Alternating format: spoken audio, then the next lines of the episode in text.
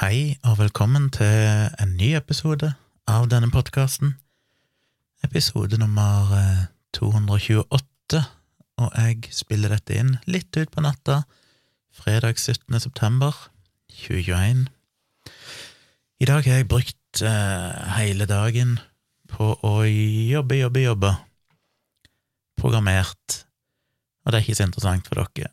Men det har vært litt eh, tilfredsstillende for min egen del, fordi jeg har Jobben min består jo stort sett i å videreutvikle denne løsningen som heter Newsflow, som er en nettavisløsning, en publiseringsløsning for nettaviser. Og eh, det er alltid nye ting som dukker opp. En av de utfordringene som en opplever, er jo at eh, dette er en sånn rent nettleserbasert løsning, webbasert løsning. Avisene logger inn i en eh, hva skal du kalle det, et slags kontrollpanel, der de kan eh, publisere, redigere eh, nyheter, bildegallerier, videoer, lydklipp, eh, alt som hører til i en avis. Men det er jo utfordringer der som en ikke alltid tenker på, for eksempel hvis en person går inn og begynner å redigere en artikkel, en artikkel som allerede er publisert, men de skal inn og gjøre en endring, går inn og redigerer den, og så kommer det en annen journalist og tenker hm, la meg redigere samme artikkel, for jeg òg trenger å gjøre en endring der. Hva skjer da? Og det er alltid interessante dilemma. Dette fiksa jeg egentlig for mange, mange år siden. Eh, I starten så hadde vi ikke noe håndtering av det, for jeg tenkte bare at det, folk må jo ta seg sammen, de kan ikke Det er bare én person som redigerer en artikkel. Men eh, det fant vi fort ut var kanskje litt naivt, så jeg bygde inn noen sånne sperrer for det. Og det ble ganske fancy etter hvert, der alt oppdaterer seg i real time, og hvis noen åpner en artikkel, så vil alle andre journalister automatisk se at denne artikkelen nå er i ferd med å bli redigert. Og hvis de da prøver å åpne den artikkelen, så blir de blokkert for det og får beskjed om at hei, denne artikkelen er det en, en annen person som redigerer nå. Og så kan de da velge å overkjøre det hvis de absolutt vil, og tar ansvar for det. Og ja, jeg vet ikke egentlig hva jeg skal fortelle om dette. Hvorfor forteller jeg om dette? Jeg aner ikke. Det er bare at jeg har sittet i timevis og skrevet om hele den løsningen, sånn at den fungerer mye mer smooth. Og det er, det er, alltid så rart med sånne ting, hvorfor det, det, virker så lett når en tenker på det, men når en begynner å jobbe med det, så oppdager en jo utallige scenarioer. For eksempel, hvordan skal systemet vite at dette er en ny person som er inne? For du kan jo åpne en artikkel for redigering i to forskjellige faner i samme nettleser, men det kan òg være to forskjell, eller det kan òg være samme bruker som åpner samme artikkel i to forskjellige nettlesere, for eksempel fra mobilen sin og datamaskinen sin, men de logger inn med samme brukerkonto. Eller det kan være en helt annen bruker. Og så er det hvordan dette skal håndteres. I tillegg så er det jo det at eh, hva gjør du hvis noen åpner en artikkel for redigering, og så plutselig så stikker de for jobb, så blir den stående åpen? Skal den da alltid være låst, sånn at ikke noen andre kan gå inn og ta over? Hvordan håndterer du det, hvor lenge skal du anse den artikkelen som låst, og hvis da noen andre tar over, hvilken beskjed skal den første brukeren få? Skal de da risikere å miste alt når de lagrer? Eh, skal de skrive over det den andre personen har gjort? Det er mange sånne scenarioer. Så jeg eh, tror jeg klarte å finne en løsning nå som håndterer alt. Veldig, veldig smooth, må jeg si. Og det er jo sånn som er tilfredsstillende å jobbe med, men òg veldig skummelt. Fordi en kan sitte og teste det og teste det og teste det, men så er det jo alltid et eller annet scenario en ikke har tenkt på. Det er jo så mange andre ting som kan skje mens du redigerer en artikkel. Du kan for eksempel, når du er inne i en artikkel, så kan du velge at oi, jeg vil legge til et bilde, og da kan du hoppe over i bilderedigeringsmodus, og så kommer du tilbake inn til artikkelen etterpå men eh, så må det håndteres, det er jo et spesialtilfelle. Så det er mye å tenke på. Jeg har sittet altså så mange timer, og så er det jo alltid den der Når du kommer til et punkt og tenker sånn, ja, ok, skal jeg eh, rulle ut dette i produksjonen nå? For det er litt kritisk. Hvis jeg fucker det opp, så er det uh, mange titalls lokalaviser der ute som som kanskje ikke får publisert artiklene sine, så det må liksom testes så nøye. Men til slutt, så uansett hvor godt jeg tester det, så, så, er jeg alltid redd for å rulle ut oppdateringer som påvirker noe som har med den viktigste tingen i avisen å gjøre, som nemlig å publisere nyheter. Men det ble rulla ut i kveld, og det ser ut til å ha fungert eh, greit, heldigvis. Og så er det et eller annet tilfredsstillende med å ha redigert eller ha skrevet om en løsning som har leid der i flere år, fordi, som jeg har sagt før, jeg blir jo stadig bedre, enn det håper jeg jo inderlig at jeg gjør. En blir jo bedre og bedre til å programmere, en lærer seg jo stadig nye ting. Ikke at du lærer deg nye ting i programmeringsspråket, liksom, det er jo litt grann av det òg, men det er mer det at du lærer deg å tenke på andre måter, du oppdager andre måter å løse problemer på som er mer effektive, som du kanskje ikke så første gang. Så, um, så nå ble det mye mer smooth kode, og det er alltid tilfredsstillende. Iallfall det jeg har gjort i dag. Sittet i evigheter med det. Og det betyr òg at når jeg endelig skal spille inn podkast her nå langt utpå natta, så har jeg sittet og kikka gjennom litt mailer, og jeg må jo bare innse det at jeg er veldig dårlig til å svare på mail. Eh, før i tid var jeg superflink til det. De første 20 årene, holdt jeg på å si, av min Nei, første Jo, ikke langt ifra det kan være 20 år av min mailkarriere. Så var jeg en sånn person som alltid svarte på mail innen 24 timer. Stort sett svarte jeg umiddelbart på alt. Det er jo helt umulig nå. Nå har jeg bare mappe på mappe med tips som kommer inn fra bloggen, og folk som sender mail til tompratpodkast.gmail.com, som er denne adressen. Og alt blir jo lest, det slår aldri feil. Jeg leser jo alt etter hvert som de kommer inn. Men så må jeg liksom tenke at dette er noe jeg kan bruke i podkasten. Ofte så er det det jeg tenker sånn, ja, dette er jo interessant, men jeg rekker det ikke i dag, eller jeg rekker det ikke akkurat nå. Og så når jeg da kommer og skal spille inn podkast, begynner jeg å kikke igjennom, og så er det litt sånn dette er jo interessant, men jeg trenger jo fire-fem timer research av dette på hvis jeg først skal gjøre noe med det. Så derfor takker jeg for alle mailer jeg får, og de ligger her fortsatt. Hvis ikke de er helt uaktuelle, så blir de liggende. Og så kan det fortsatt være at jeg bruker de i framtida. Så fortsett å sende mail til tompratpodkast.gmail.com. Og jeg er veldig dårlig til å svare, så jeg setter veldig pris, som sagt, det er folk som har skrevet litt mer personlige mailer og sånn òg. Av og til så svarer jeg, eh, andre ganger så svarer jeg ikke, det er litt random, egentlig, bare hvor god tid jeg har der og da, men jeg leser det og setter veldig pris på alle tilbakemeldinger jeg får. Og så må jeg bare konkludere med at hvor lenge jeg har sittet og snakka nå? I sju minutter. Veldig kjedelige sju minutter her i starten, men eh, sånn er det av og til. Dette blir ikke verdens mest spennende podkastepisode, fordi jeg ikke hatt så god tid til å forberede meg. Jeg må si at vi hadde VI-prat i går, som jo er denne felles Zoom-chatten vi har inne på kritisketenkere.no, og i går så var det jo åpent for alle. Og det var en litt sånn spontan beslutning jeg gjorde, noe jeg egentlig hadde tenkt på tidligere, men så glemte jeg det når jeg oppretta den. Da oppretta jeg den bare for VIP-medlemmer, som er det som er normalt. Men så tenkte jeg ah, shit, jeg må jo gjøre den åpen for alle, sånn at folk som ikke er betalende medlemmer, folk som ikke er VIP-medlemmer, at uh, de må få se hva det egentlig er. Så i går hadde vi det åpent for alle, men jeg ga nok litt kort frist. Jeg gjorde det bare noen timer før vi skulle gå live, så det var ikke sånn supermange mennesker med. Men vi var vel en ti-tolv stykk, tror jeg, og det var vel en fire-fem nye ansikter, og det var veldig kult.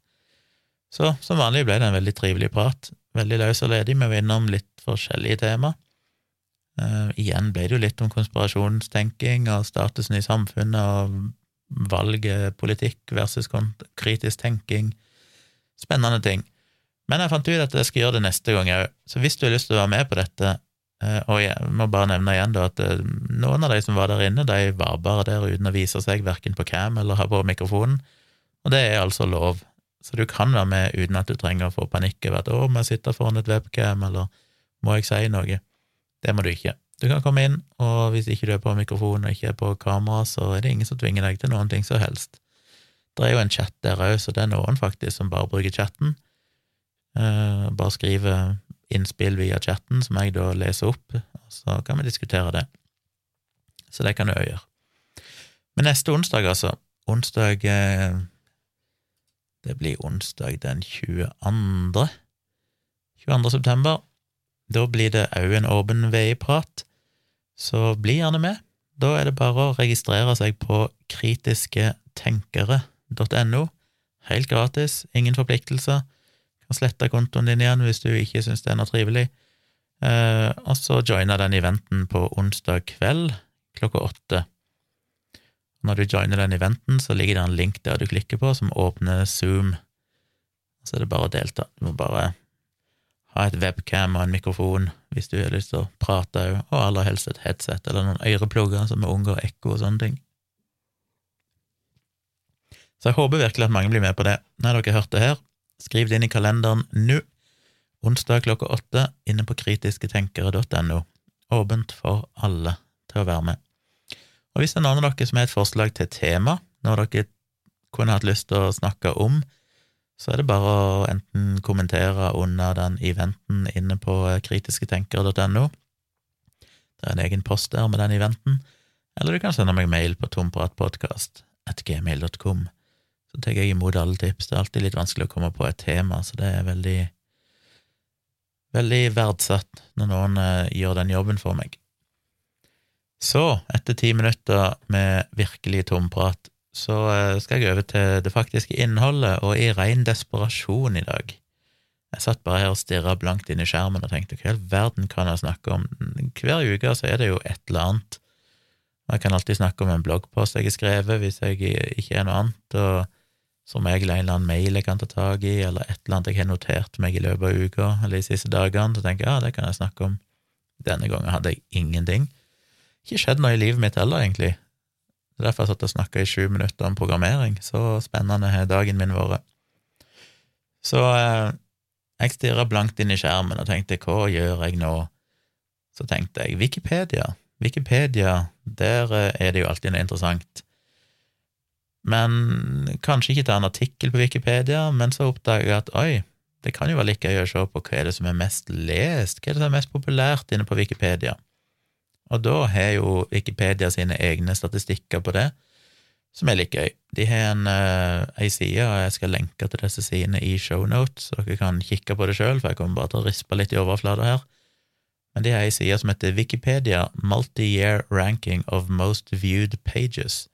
For nå er jeg inne på den engelske Wikipediaen, jeg vet ikke om det finnes noe tilsvarende på norsk. Det tviler jeg vel på at de gidder å lage, men iallfall den engelske har det.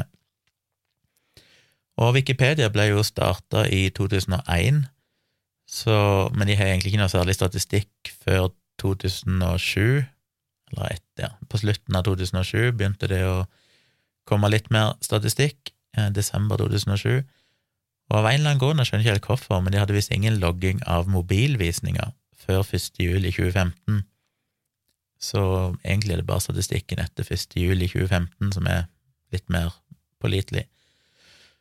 Men du kan jo tenke deg sjøl hva som var mest populært i 2001. Da hadde jo Wikipedia nesten ingen views, det var noen tusen views eh, her og der. Eh, men det var jo da 9-11, for det skjedde bare et par måneder etter at eh, Wikipedia ble lansert. Så nesten, Og de har nesten ingen statistikk på det, nesten alt er forsvunnet siden den gang. Men det de har av fragmenter av det som eksisterte i 2001, så er det jo stort sett sånne Twin Towers og alt mulig sånne artikler som folk vil lese om. Så det er kanskje ikke så rart. Men det er jo noen statistikker her, og de har én sånn topp 100-liste, som altså gjelder fra 1. desember 2007 og fram til 1. september 2021.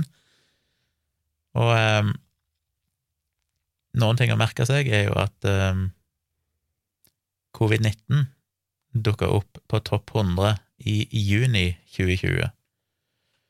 Så det tok bare ehm, tre-fire måneder ifra pandemien brøt ut, sånn internasjonalt, til den faktisk eh, kom seg nesten opp til topps. og den sida eksisterte jo ikke engang i begynnelsen av 2020, så ifra å ikke eksistere i det hele tatt til å komme opp på topplista, så gikk det bare altså knapt et halvt år, og det er visstnok den største økningen Wikipedia noensinne har sett. Um, Joe Biden har jo økt veldig i 2020, og for så vidt Kamala Harris òg. Og så er det jo Donald Trump, da, som er den første personen på Wikipedia som har runda 200 millioner views. Så det er ikke verst. Og han ligger som nummer to over sånn all time visninger, bare forbigått av United States, som er den mest viste Wikipedia-sida. Litt sånn kjedelige ting. Og når du ser på eh, topp 100-lista, så er den veldig kjedelig. Eh, og en del av de har de luka vekk. Du har jo sånn som eh, Ja, det er jo en del sånn spesialsider, sånn søkesider og sånn, som ligger øverst, men de teller ikke med i lista. Men så er det jo sånn som eh, Viki, ordet Viki, har 270 millioner views. Facebook har 260 millioner, YouTube er 249 millioner, men de har ikke telt med at de regner med at det er folk som bare skriver um, Facebook inn i nettleseren, og så dukker kanskje Wikipedia opp som første søketreff, og så klikker de på det, men egentlig så skulle de inn på Facebook. Så eh, disse har de bare luka ut og teller ikke med i den offisielle statistikken. De regner vel det bare som egentlig feil. Men nummer én på lista er altså United States, nummer to er Donald Trump, nummer tre er Barack Obama. Så Amerika er jo solid representert, kanskje ikke overraskende. Men på fjerdeplass så kommer da Elisabeth den andre, dronning Elisabeth av eh, Storbritannia. Er det Storbritannia hun er dronning av? Jeg skjønner jo aldri på de her uh, forskjellige navnene. Queen of the United Kingdom and 15 other Commonwealth real realms. Nummer fem på lista er landet India. Nummer seks er andre verdenskrig. Og nummer sju er Michael Jackson, før United Kingdom kommer som nummer åtte, Cristiano Ronaldo som nummer ni og Lady Gaga som nummer ti.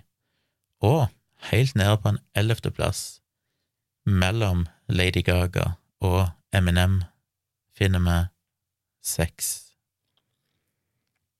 Det må jo bety et eller annet. Eminem deler for øvrig plass med Adolf Hitler. De har begge 119 millioner views. Og sånn fortsetter det nedover. Jeg skal ikke gå gjennom den topp 100-lista, for den er så random. Men de har òg laga noen lister over forskjellige kategorier, for eksempel land.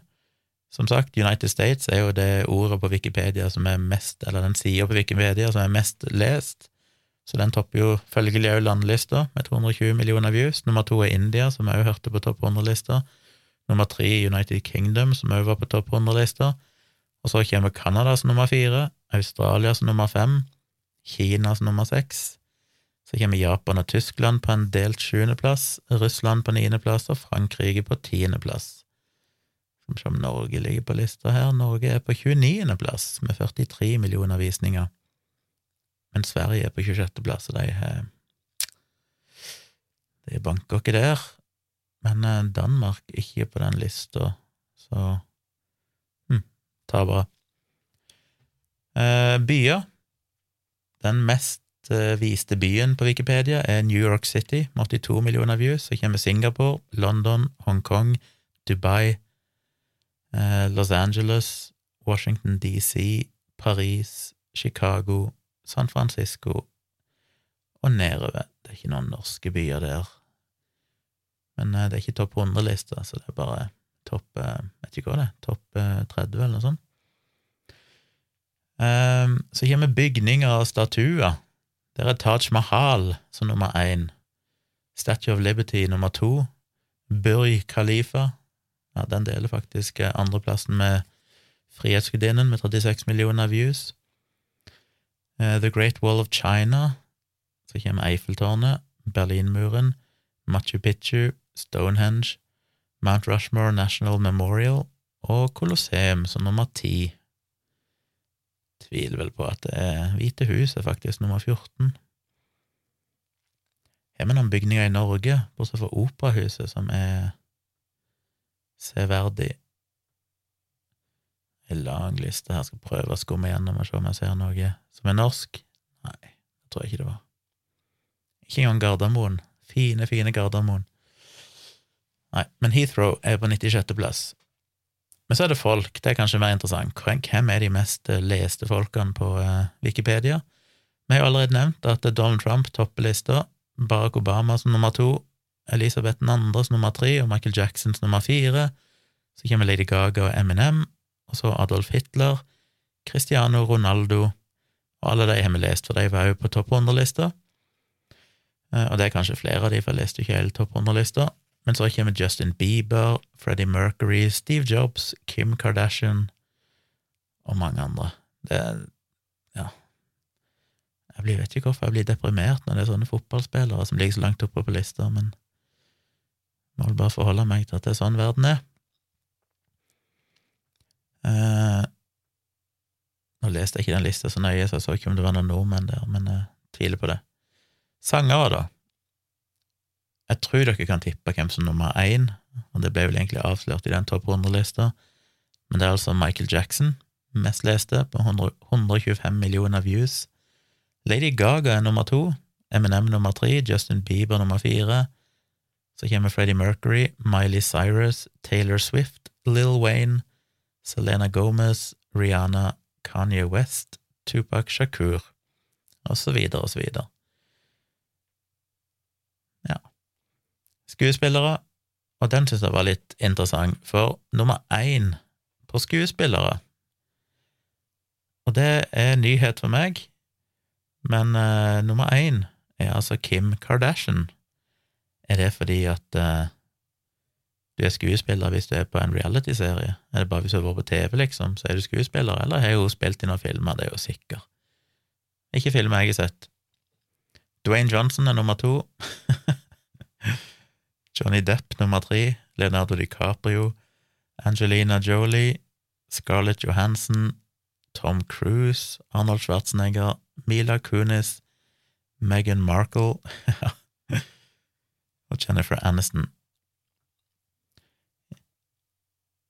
Mange Oi, nummer 24 er The Undertaker. Er det et artistnavn? Jeg vet ikke hvem det er. Hvem er som kaller seg for The Undertaker? Og så kommer Pornographic Actors, og der um, kjente jeg faktisk igjen noen navn. Nummer én på lista heter Sunny Leone, eller Leone, Leone. Aldri hørt om. Nummer to er Mia Khalifa, hun jeg jo hørt om. Mest fordi hun dukka vel opp på Snapchat-storyene mine plutselig. Det kom jo alltid noen sånn random Snapchat-storyer, så plutselig dukka hun opp, og så begynte jeg å se. Så jeg vel en av det, og da kom det jo bare flere. Så det var en liten periode jeg kikka på noen av dem, men uh, gikk det opp, fant jeg ut seinere at ja, hun var pornostjerne. Aldri sett henne i noe porno, tror. Sasha Gray er nummer tre, hun har jeg vel sett i pornofilmer. Hun er et av de navnene jeg kjenner. Jenna Jameson nummer fire. Det er jo et navn jeg kjenner, men jeg kunne ikke plassert henne, holdt jeg på å si. Det assosierer det med noe gammelt, noe sånn nittitallsporno, men det, det er kanskje ikke det. Lisa Ann China, med Y, C-H-Y-N-A. Det er jo et navn jeg har hørt. Så kommer Ron Jeremy, han eh, har vi jo hørt om. Tori Black, Bree Olsen, Linda Lovelace. Linda Lovelace kjenner jeg bare til fordi da jeg gikk på videregående, om jeg skulle i norskfaget skulle lese bøker. Eh, jeg husker ikke hvor mange par, men jeg husker vi leste eh, Jens Bjørneboe. Um, en eller annen av hans sine bøker, jeg husker ikke hva han heter lenger. Det var den ene, og den andre var altså en biografi om Linda Lovelace. Og jeg skjønner fortsatt ikke den dag i dag hvorfor læreren vår valgte vi skulle lese en biografi om Linda Lovelace. Fordi i klassen vår så var det jo et par personer som var sånne bedehusfolk, og de må jo ha satt eh, De må ha satt Hva heter det? Eh, de må jo ha satt Oblaten i halsen. Jeg ødela vitsen min jeg ikke kom på ordet. De må ha satt oblaten i halsen når de eh, leser denne boka, for det ja, jeg husker vagt at det var noen skildringer at hun ble tvunget til å ha sex med et esel, og det var liksom alt mulig rart. Men det er en sær bok. Jeg tror ikke det er noe stort litterært verk, så gudene vet hvorfor han ville vi skulle lese akkurat den. Tracy Lords nummer ni. Alexis Texas. James Dean med to e-er, og så videre og så videre. Uh, ja. Idrettsfolk veldig uinteressert i, men uh, dere kan kanskje tippe hvem som er nummer én, og det er Cristiano Ronaldo. Helt ufattelig at jeg har absolutt null forhold til Ronaldo, enten at jeg har hørt navnet hans. Jeg aner ingenting om han. Jeg aner ikke hvorfor han er så populær. Jeg vet ikke hva som er greia med han, men det er en person som eksisterer, tydeligvis, som er populær, så da får jeg forholde meg til det. Michael Jordan er nummer to. Lionel Messi, Kobe Bryant og LeBron James Nummer seks kommer Mohammed Ali, og nummer sju kommer Tom Brady.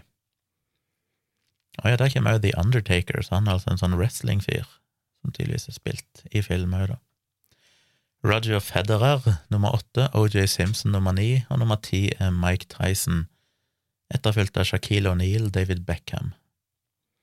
Så ja, moderne politiske ledere, der er vi Donald Trumps nummer én, Barack Obama, Elisabeth 2., Adolf Hitler, og så kommer Abraham, Link Abraham Lincoln, Og det er altså med moderne politiske ledere, så er det folk som er født etter 14, år 1400 etter Kristus. Nei, John F. Kennedy og Joe Biden. Så kommer jo Meghan nummer åtte, Duchess of Sussex, som er litt fascinerende. Hun er jo ikke egentlig en veldig betydelig politisk figur, men selvfølgelig, fordi hun er Se og hørmateriale, så blir hun jo havner fort opp på listene. Queen Victoria er nummer åtte, Winston Churchill er nummer ti, og prinsesse Diana er òg nummer ti. Hun deler plassen med Churchill med 67 millioner visninger. Og hvor finner vi ja, Joe Biden, han var nummer sju, og Kamala Harris er nummer 14. Deler 14.-plassen med Ronald Reagan og George Bush, fascinerende nok, som alle er 64 millioner visninger. Ja. Og så gir vi kriminelle. Og dette, her står det at this is a list of minor criminals. For major criminals, see the list above. Men det er ikke noen liste above med major criminals, så allikevel en interessant liste. For nummer én på lista er Lill Wayne. Det skulle en kanskje ikke trodd, over alle tidene, tidenes eh, ja, Når du har Jack the Ripper på 20.-plass og sånn, så er det fascinerende at Lill Wayne er nummer én. Men det er vel kanskje bare fordi at han, eh, han er Lill Wayne. Han blir vel ikke mest lest fordi folk vil lese om hans kriminelle historie, det er vel fordi han er jo en populær artist. Sammen med Tupac Shakur. Han er nummer to ranka, neppe fordi han er Neppe fordi han egentlig hører hjemme i Criminals-lista, ikke at han ikke hører hjemme der, men eh, Men ja. Hadde det vært en week Criminals, så tror jeg ikke disse hadde løyet så høyt. Pablo Escobar er nummer tre. Der har vi jo en mer eh, ekte kriminell som er der inne fordi han er kriminell. Ted Bundys nummer fire. Charles Manson, som òg har fått delt fjerdeplass, selv om har, Ted Bundy har 70 millioner, og Charles Manson er 68. OJ Simpson nummer seks. Al Capone. Og så Jeffrey Epstein. Han òg må jo ha sust opp ganske fort. Selv om eh, jeg vet ikke hvor mye navnet hans ble eh, lest på Wikipedia før han eh, Før vi fikk slått fast at han var en jævla kuk. Ted Kaczynski nummer ni, Bill Cosby nummer ti, som jo er litt Det er fortsatt vanskelig for meg å akseptere. 80-tallsgunder sliter med å akseptere at Bill Cosby står på lista over kriminelle. Men for en kuk han òg. Og så er det da pre-modern people, det vil si folk som er født før 1400 etter Kristus, med ett unntak, som er Jeanne d'Arc, som ble født i 1412, men hun er tatt med på denne lista. Og de har ikke så mye visninger. Øverst på lista, hvem tror dere det er? Tenk dere nøye om nå. Hvem er øverst på lista over historiske figurer? Det er selvfølgelig Jesus, som står her som er født i 4 BC. Så Wikipedia har konkludert med at han er født fire år før Kristus. Det er vel eh, omstridt fortsatt akkurat hvor mange år før Kristus han er født, men eh, Og så skal han ha døyd da 30 år, eller 33 år etter Kristus. Han døde etter seg sjøl. eh, og ble født før seg sjøl òg. Godt gjort. Alexander den store, nummer to. Muhammed, nummer tre. Julius Cæsar er nummer fire, Djengis Khan nummer fem, Kleopatra, Aristoteles, Gautama Buddha, Platon, King Arthur, Spartacus, altså Jeanne d'Arc, og så videre og så videre. Og så på 16.-plass har vi en Ragnar Lodbrok, en uh, vikinghelt. Mm, det er vel komme en uh, norsk, uh, norsk helt på den norsk historisk figur på denne lista her ser det ut til, selv om han kanskje egentlig var dansk eller noe sånt. Moses er nummer 18, etterfulgt av Robin Hood. Og så har du da det de kaller for third millennium people, det vil si folk som er født i det tredje årtusenet, altså folk som er født etter 1.1.2000. Og den første, som endte opp med å få ei side på Wikipedia som ble født etter år 2000, var prinsesse Elisabeth Duchess of Brabant. Prinsesse Elisabeth. Uh, hun er altså en prinsesse i Belgia. Hmm. Så hun var den første som fikk den sida. Hun var født 25. Eh, oktober 2001. men uh, fikk seg ikke noe Facebook-side Nei, Facebook-side, fikk seg ikke noe Wikipedia-side før 4. august 2003, men ble da den første. Og øverst på lista over millennials er da Billie Eilish, med 43 millioner visninger. Nummer to er faktisk Millie Bobby Brown. Så kommer Willow Smith, Maddie Ziegler, Greta Thunberg, Jojo Siva, det vet jeg ikke hvem er, Prince George of Cambridge, Little Pump, aldri hørt om, Bad Baby, som staves BHAD, BHABIE. Kult navn, aldri hørt om. Noah Cyrus. Noah Cyrus jeg har hørt om. Nei, jeg tror ikke jeg har hørt om henne heller.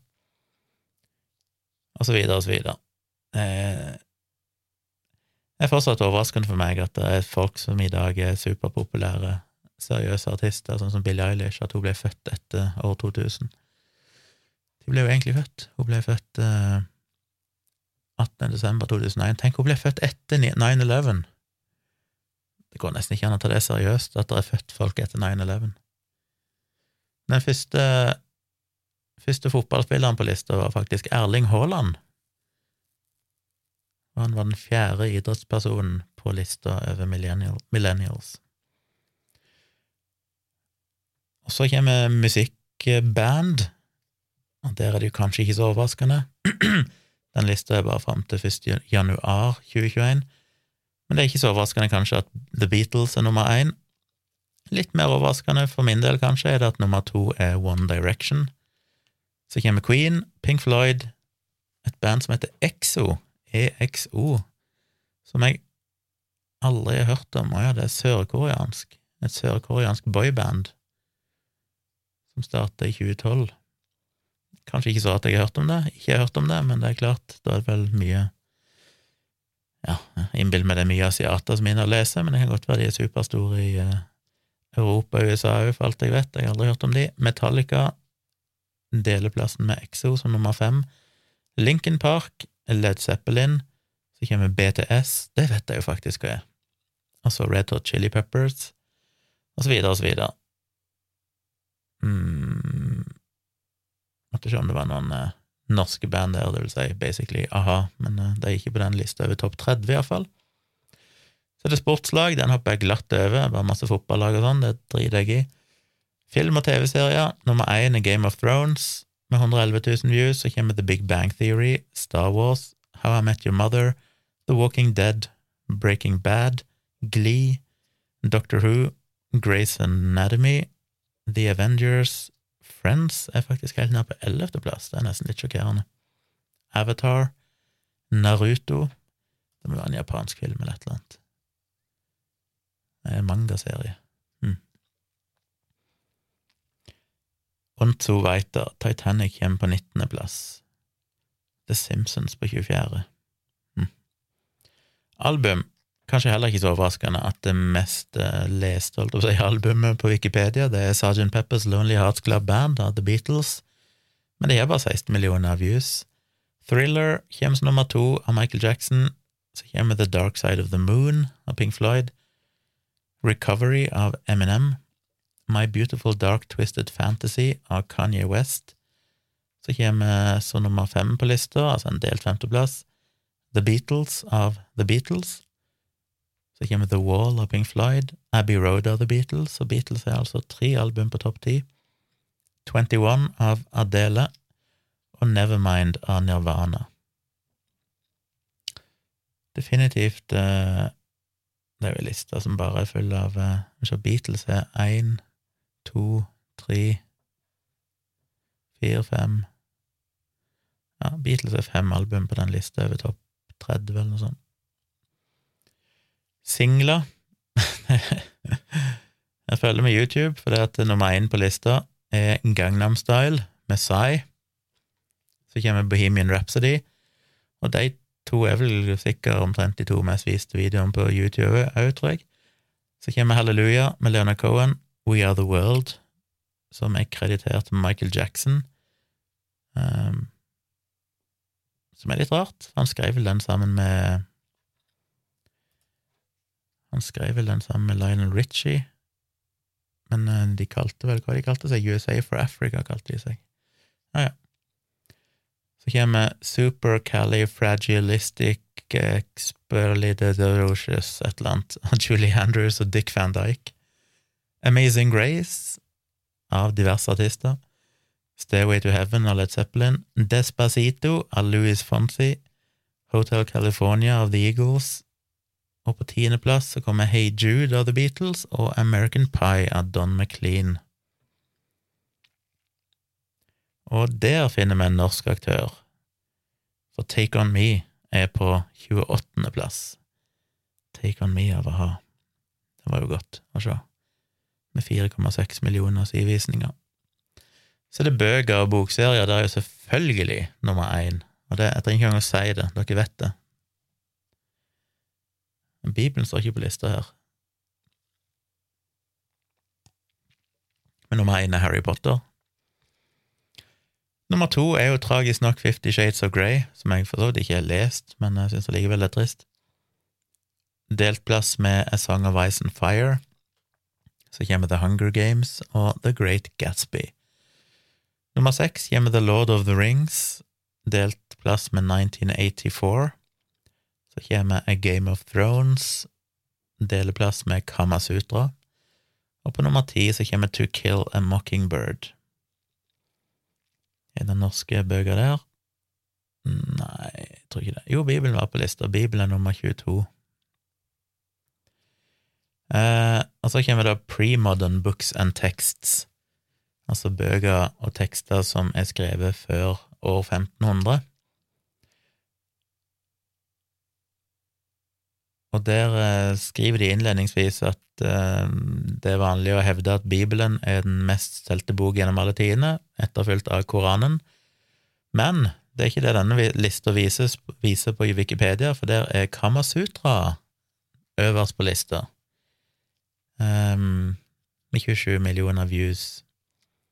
Nummer to er Inferno, Dante. Nummer tre er Bibelen. Nummer fire er Odyssey, Odyssevsen, er det det heter på norsk. Nummer fem er Beowulf, og på nummer sjetteplass så kommer Koranen og deler plass med Rosetta Stone. Så kommer Mahabharata, eh, en indisk bok. Så kommer Divine Comedy og Iliaden som nummer ti. Hmm. Så det var topplistene. Alltid gøy å høre podkaster der folk sitter og leser opp lister, er det ikke det?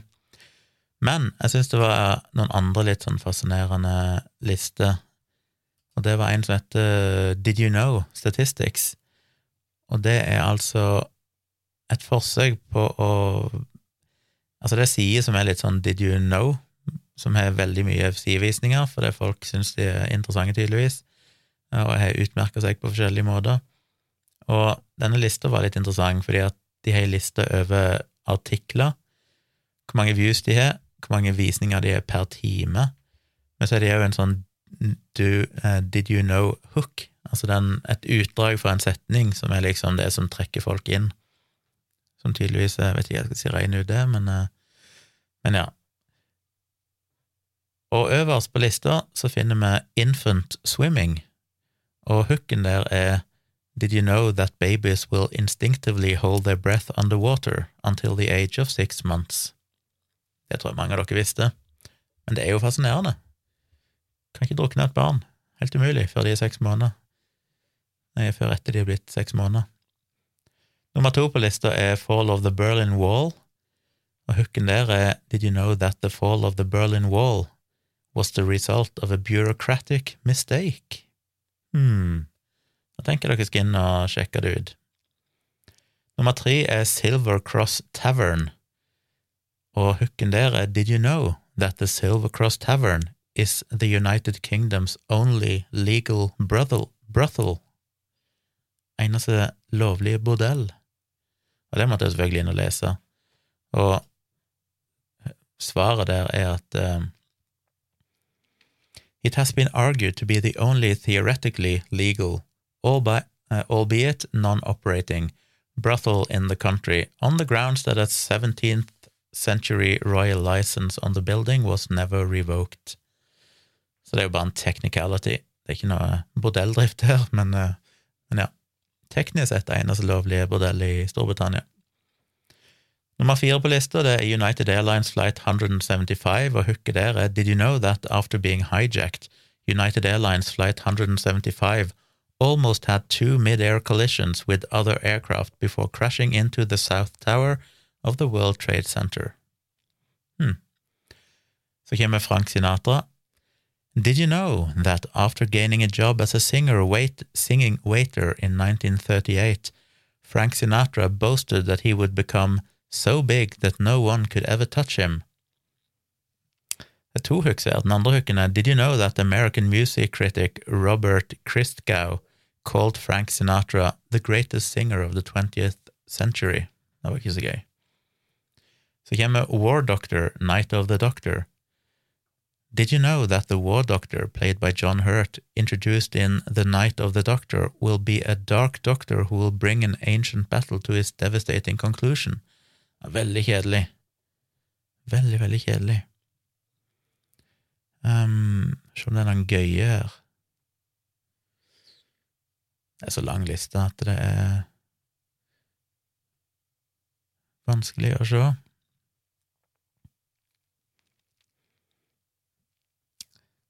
Hmm, nei, jeg vet ikke om jeg klarer å finne noen flere på sparket her. Ivan Castro han ligger langt nede på lista. Did you know that Captain Ivan Castro is the only blind officer serving in the United States, Army Special Forces? Det er jo kult. Så er det Sofia, i parentes robot.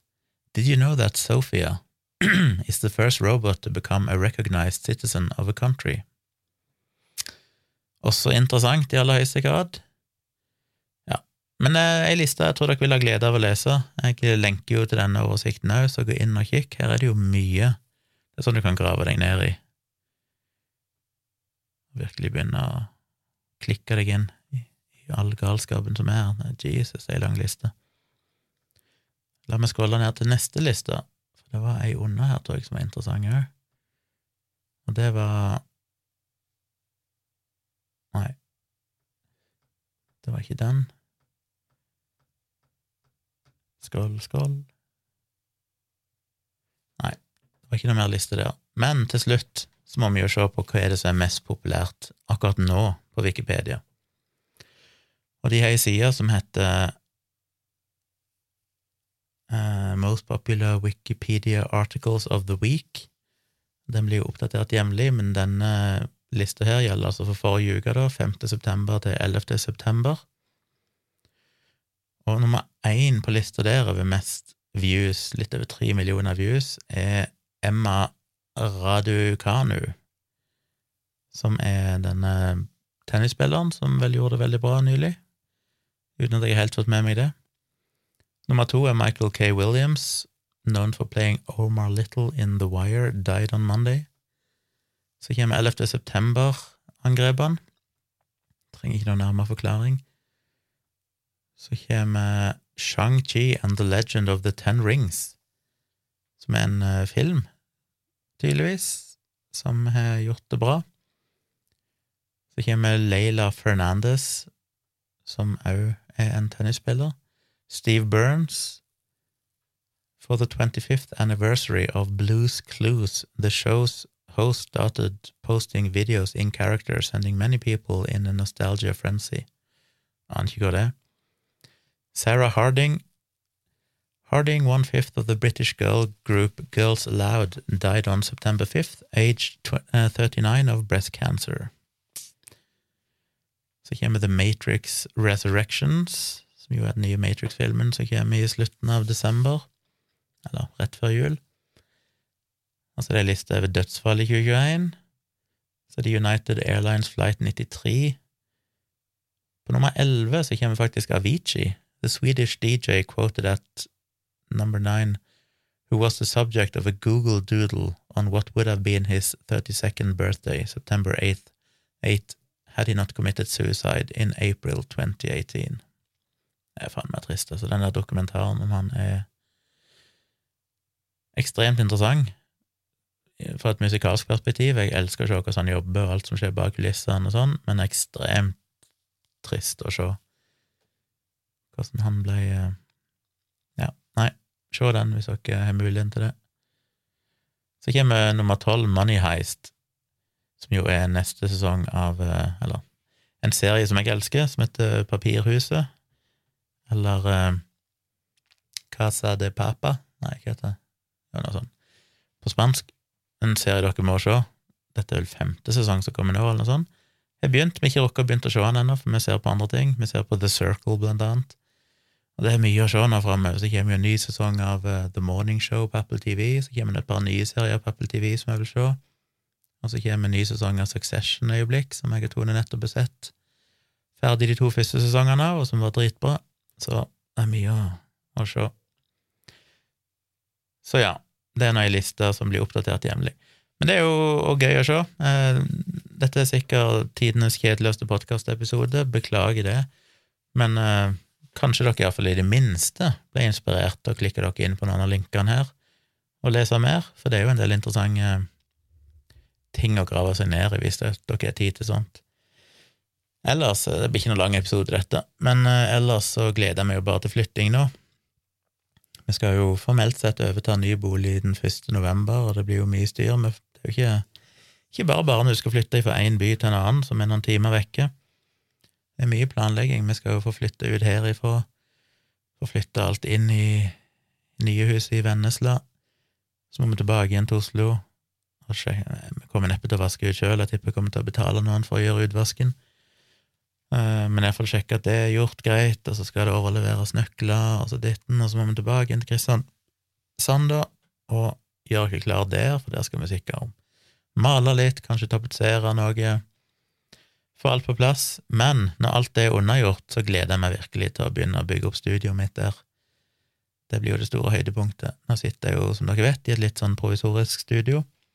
Jeg håper lyden er litt bedre nå, for jeg dro opp ifra kjellerboden noen av de der akustiske panelene som er hengt på veggene her. Altså, jeg har ikke hengt de opp på nytt, men jeg har bare liksom plassert de på gulv og bord, og bare for å prøve å gjøre her inne, rommet her inne litt mindre til et sånn firkanta boks med ekko. Jeg tror faktisk det hjalp litt på lyden sjøl, bare de små grepene der. Så jeg gleder meg ekstremt til det. Det er jo noe av det gøyeste jeg vet, er å, å rigge opp alt utstyret på nytt og prøve å gjøre det så optimalt jeg kan. Og målet mitt er jo å Jeg vil prøve å få til to, to eller tre settinger. Det er mulig jeg kommer til å rigge opp et dedikert podkastrom, eh, som kommer til å bli godt lydbehandla og sånn, med et bord med mikrofon på hver side, som er litt mer eh, tilrettelagt enn det vi har hatt her. Meg og Tone spiller jo inn den andre podkasten vi har, som heter Virkelig grusomt som jo blir mer og mer populær. Det er veldig gøy å se hvordan eh, lyttertallene stiger ganske godt. Og det er stadig nye folk som mailer oss og sier de nettopp har oppdaga podkasten og begynt å høre gjennom hele arkivet. Men nå sitter jo hun i en stol her inne, og så sitter jeg i kontorstolen, og så er det litt sånn kronglete og eh, skeivt. Men eh, det skal jeg få rigge opp skikkelig der, så vi kan sitte face to face og ha et bord mellom oss og gjøre det litt mer sånn ordentlig podkast. Og så det går jo faktisk an å invitere inn gjester der òg, det har vært litt problem her. Det er vanskelig å invitere inn gjester til podkasten min i mitt hjemmestudio, for det blir så privat, på en måte. Uh, mens der kommer jeg jo til å ha studioet mitt i nederste etasje med en egen inngang, så det er liksom utenom boligenheten i huset. Så da kan jeg bruke det litt mer sånn i gåsehud profesjonelt. Så det kommer nok til å bli ett rom, og så vil jeg ha et, et litt større rom på utsida, og der vil jeg prøve å få til et YouTube-studio som har iallfall to settinger Én der du har en litt trivelig bakgrunn, kanskje ei bokhylle eller ei hylle der kan ha noen objektiv stående, noe kamerautstyr, bøker, eh, litt sånn lys og sånn, og forhåpentligvis med såpass lang avstand at du kan få det litt ut av fokus, for det liker jeg, å ha en litt blurry background. I det kontoret jeg, studioet jeg har nå, så sitter jeg jo clean inntil veggen, så det, du får ikke den effekten i samme grad. Og så vil jeg ha en litt annen, mer formell, et litt mer formelt oppsett, der jeg har en slags pult eller lite bord foran meg som jeg kan sitte bak, som jeg kan lage litt andre typer videoer, som kanskje er litt mer sånn Ja, jeg får se. Jeg får lyst til å ha litt variasjon, så jeg kan lage to litt forskjellige typer videoer. da. En der jeg bare sitter i en lenestol, som jeg kan bruke i livestreamene mine og sånn, med en fancy bakgrunn, og en litt mer formell bakgrunn som jeg kan bruke til mer seriøse videoer. Så jeg har jo lyst til å prøve å lage litt mer videoer når jeg får rigga meg opp der inne, men det får vi jo se hvordan det blir. Så jeg gleder meg veldig, veldig til det, og det er litt sånn vondt akkurat nå å drive og vente på det. Tid går veldig seint. Men, eh, men ja, vi skal ha en liten tur til, til Kristiansand og Tonstad igjen i begynnelsen av oktober, for da er dattera mi i høstferie, så da kjører vi vel innom Kristiansand og plukker opp henne og kjører videre til Tonstad til mine foreldre, familie, og henger der noen dager. Og da blir det jo forhåpentligvis har det begynt å komme litt høstfarger og sånn da, så jeg kan kanskje få tatt noen fine bilder. Vi får se. Men nå må jeg slutte med dette tompraten. Eh, vi får bare si det sånn at jeg lagde denne episoden her bare for å leve opp til navnet av podkasten. Så i motsetning til vanlig så vil jeg jo si ikke del denne episoden med noen. Ikke del denne podkasten med folk. Ikke tips dem om at de skal høre den. Eh, gjør det med alle andre episoder som har vært litt mer substans i.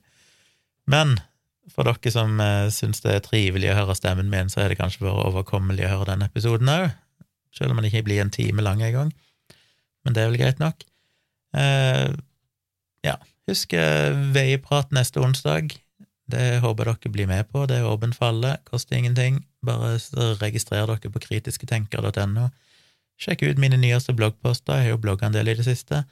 Og jeg har tatt kontakt med en avis, faktisk. Jeg vet ikke om jeg nevnte det, men eh, jeg oppdaga plutselig at shit, jeg har litt lyst til å nå enda mer ut. Det var veldig gøy når jeg samarbeidet med Nettavisen, for da fikk jeg jo shitload med views på alt jeg skrev. Jeg har ikke lyst til å samarbeide med deg igjen, men jeg har jo kikka meg litt om etter andre aviser som er litt, har en seriøs profil, og som jeg kan få til et noe noenlunde tilsvarende samarbeid med, så jeg kan få litt inntekter kanskje på bloggen min òg, få litt igjen for alle de timene jeg legger ned, eh, og i tillegg få en del mer spredning, for at de da kan fronte de bloggpostene mine som de syns er bra. Så jeg er i kontakt med en avis nå. Jeg skal ha et møte med de over helge, så får vi se om det ender opp med noe. Um, det blir jo spennende i så fall. Det motiverer meg jo enda mer til å skrive litt når, når ting kan spres litt skikkelig.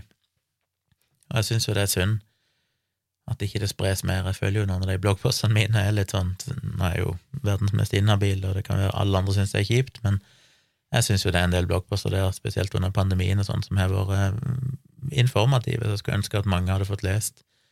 Jeg tenker Hver gang jeg ser all den idiotien som blir skrevet rundt forbi, så tenker jeg åh, hvorfor har de ikke bare lest bloggposten min, der forklarer jeg alt dette. så det er litt frustrerende å bare skrive i bloggen, og så eneste måten å spre det på, det er å prøve å dele på Facebook og sånn, men uh, så er det litt begrensa hvor mye spredning det får. Så det å få en avis i ryggen som kan bidra til dette, det tror jeg blir bra, hvis jeg får det til. Og hvis jeg ikke får til en avtale med de jeg skal snakke med nå, så får jeg prøve noen andre. Den mest naturlige aktøren hadde jo vært Filter nyheter. Men eh, det tror jeg ikke funker med dem, for de har ikke noen annonser. Og da vet jeg ikke hvordan de skal finansiere meg, de lever jo bare av donasjoner og abonnenter, og det funker ikke helt i den modellen der vi skal liksom dele annonseinntekter. Så det går sikkert ikke. Så jeg er nødt til å finne en avis som har litt annonseinntekter, selv om de synker vel mer og mer som det for tida. Så det er iallfall noe nytt. Men gå inn og les i, i bloggen min på tjomli.com hvis dere vil det. Um, ja, jeg orker ikke å, å, si noe mer. Jeg får heller prøve å komme meg i seng i frykt for at jeg skal ringe noen grytidlig i morgen og si at et eller annet ikke virker i uh, Newsflow, som jeg går opp og fikser. Men uh, det går nok bra. Det ser ut til å være stabilt. Ingen feilmeldinger i loggen eller noen ting, så det er jo bare fryd og gammen.